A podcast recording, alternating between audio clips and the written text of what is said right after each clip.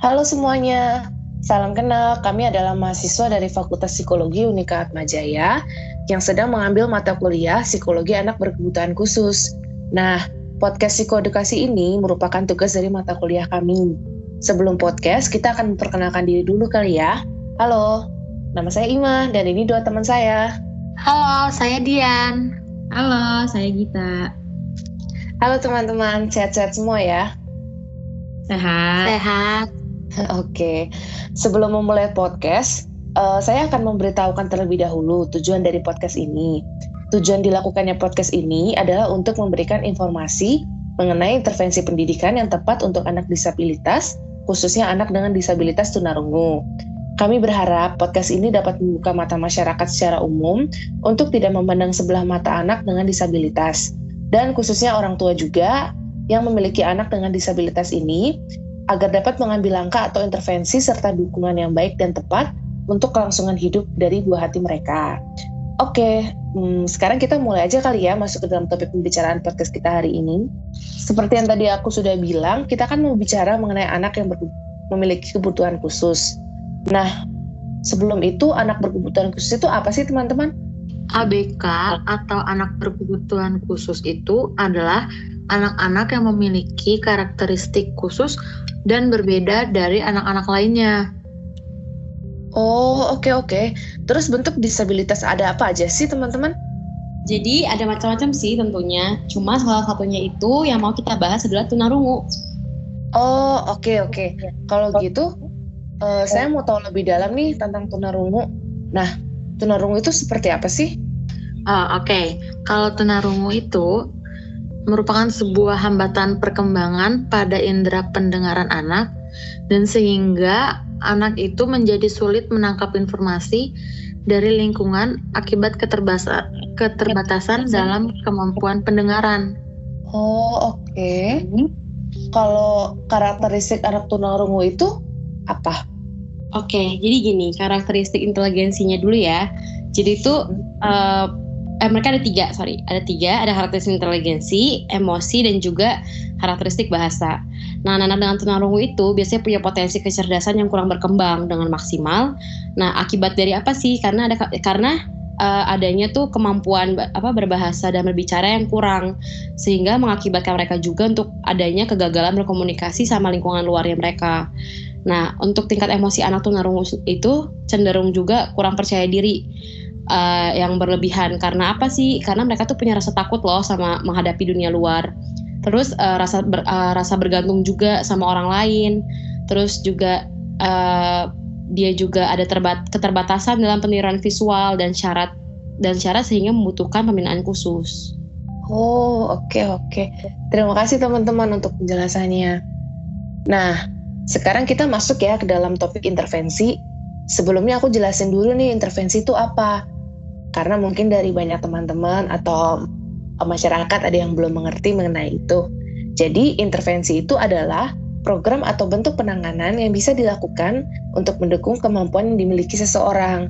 Nah, khususnya dalam podcast ini adalah untuk anak-anak berkebutuhan khusus, anak tunarungu. Oke, jadi intervensi yang cocok untuk anak tunarungu itu lebih baik bagaimana ya teman-teman? Nah, oke. Okay. Kalau untuk anak tunarungu itu sendiri, ada dua metode yang bisa kita gunakan. Yang pertama ada metode VAT atau visual audio taktil dan bahasa ekspresif. Kalau metode VAT itu merupakan pendekatan pengajaran berbicara yang menggunakan perabaan. Sehingga dengan perabaan digunakan, it, hal itu dapat mengajarkan bahasa anak sehingga anak tunarungu itu mampu memperbaiki kesalahan bunyi fonem dalam mengungkapkan suatu kata atau kalimat, baik itu secara lisan ataupun tertulis. Nah, kalau metode ekspresif itu tuh metode yang untuk menstimulasi seluruh indera anak tunarungu seperti indera pendengaran, penglihatan, perasa ataupun peraba. Nah, untuk menstimulasi ini itu Hasilnya dijadikan untuk pengukuran penerapan metode VAT yang sebelumnya sudah aku jelaskan sebelumnya. Hmm, oke. Okay. Terus uh, dari intervensi ini sendiri juga ada uh, selain VAT ada juga yang pendidikan nih yang sesuai untuk anak-anak disabilitas tunarungu. Yang pertama tuh adalah uh, pendidikan sekolah inklusi dan juga SLB dan terapi. Nah, untuk pendidikan inklusif ini tuh kayak gimana sih? Jadi dia tuh merupakan suatu pendekatan pendidikan yang yang inovatif dan strategis untuk memperluas akses pendidikan bagi semua anak berkebutuhan khusus, termasuk anak penyandang disabilitas. Nah, kalau yang pendidikan inklusi itu sendiri adalah bentuk penyelenggaraan pendidikan yang menyatukan anak-anak berkebutuhan khusus dengan anak-anak normal pada umumnya untuk belajar. Kemudian uh, dalam konsep uh, inklusi ini sendiri itu sebenarnya ada didasarkan atas gagasan sekolah uh, uh, atas gagasan bahwa sekolah reguler harus menyediakan lingkungan belajar bagi seluruh peserta didik sesuai dengan kebutuhannya apa pun tingkat kemampuan ataupun kelainannya. Sedangkan kalau sekolah luar biasa atau SLB itu diperuntukkan bagi anak-anak berkebutuhan khusus yang tidak bisa ber, uh, sama sekali bersama dengan anak-anak lainnya. Nah, SLB bagian B itu dikhususkan untuk anak-anak tunarungu. Di sana baik orang tua maupun anak juga ikut belajar. Wow, berarti sangat penting ya untuk memasukkan buah hati ke dalam pendidikan inklusi khususnya. Iya, benar banget. Hmm, Selain kurikulumnya juga menyesuaikan anak-anak, pembelajarannya pun mengajarkan mereka untuk tetap dapat berkomunikasi dengan teman-teman yang tidak berkebutuhan ya. Mm-mm, bener banget tuh. Oke oke. Nah kalau untuk kriteria pendidikan untuk anak tunarungu itu seperti apa sih teman-teman?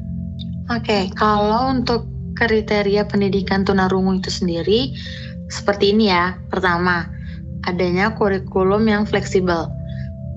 Kurikulum yang fleksibel itu seperti penyesuaian kurikulum dalam penerapan pendidikan inklusi tidak harus terlebih dahulu menekankan pada materi pembelajarannya, tetapi yang paling penting adalah bagaimana memberikan perhatian penuh pada kebutuhan anak tunarungu yang dididik.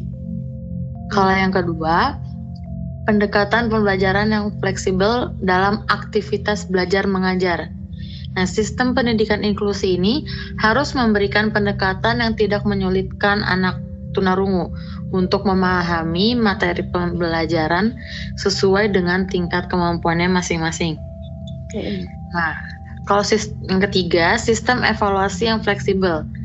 Dalam melakukan penilaian harus memperhatikan keseimbangan antara kebutuhan anak ber, anak yang berkebutuhan khusus maksudnya dengan anak normal pada umumnya.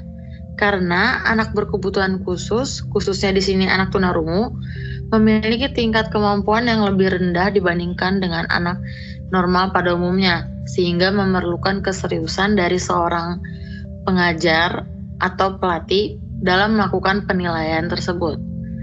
Nah, yang terakhir kriterianya yaitu pembelajaran yang ramah maksudnya pembelajaran yang ramah itu proses pembelajaran dalam konsep pendidikan inklusi yang mencerminkan pembelajaran yang menyenangkan.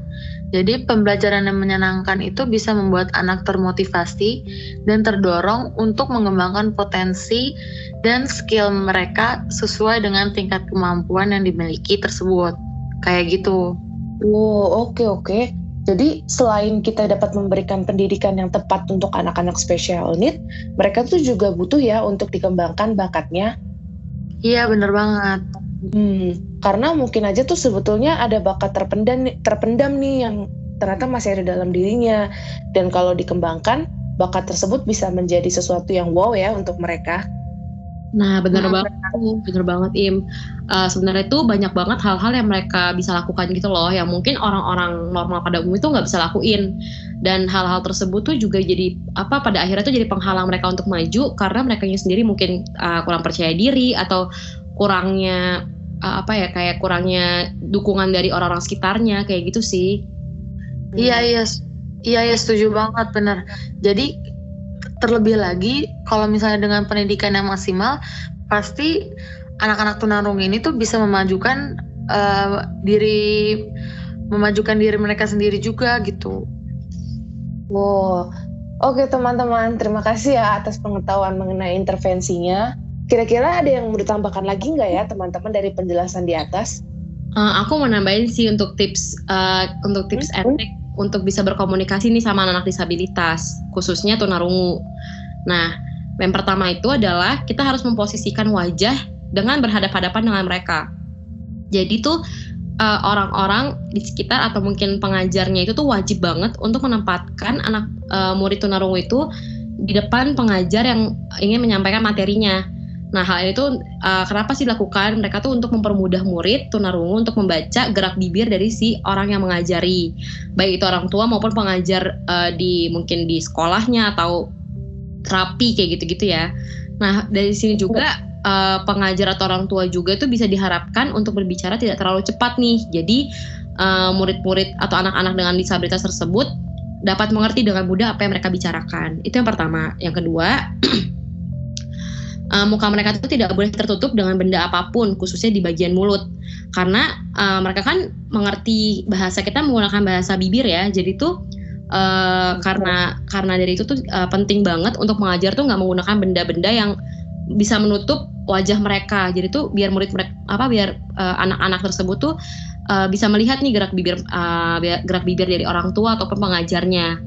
Terus juga benda, ada pun juga benda yang digunakan itu saat mengajar jangan terlalu besar yang dapat menutup bagian bibir saat menjelaskan materi kayak gitu sih.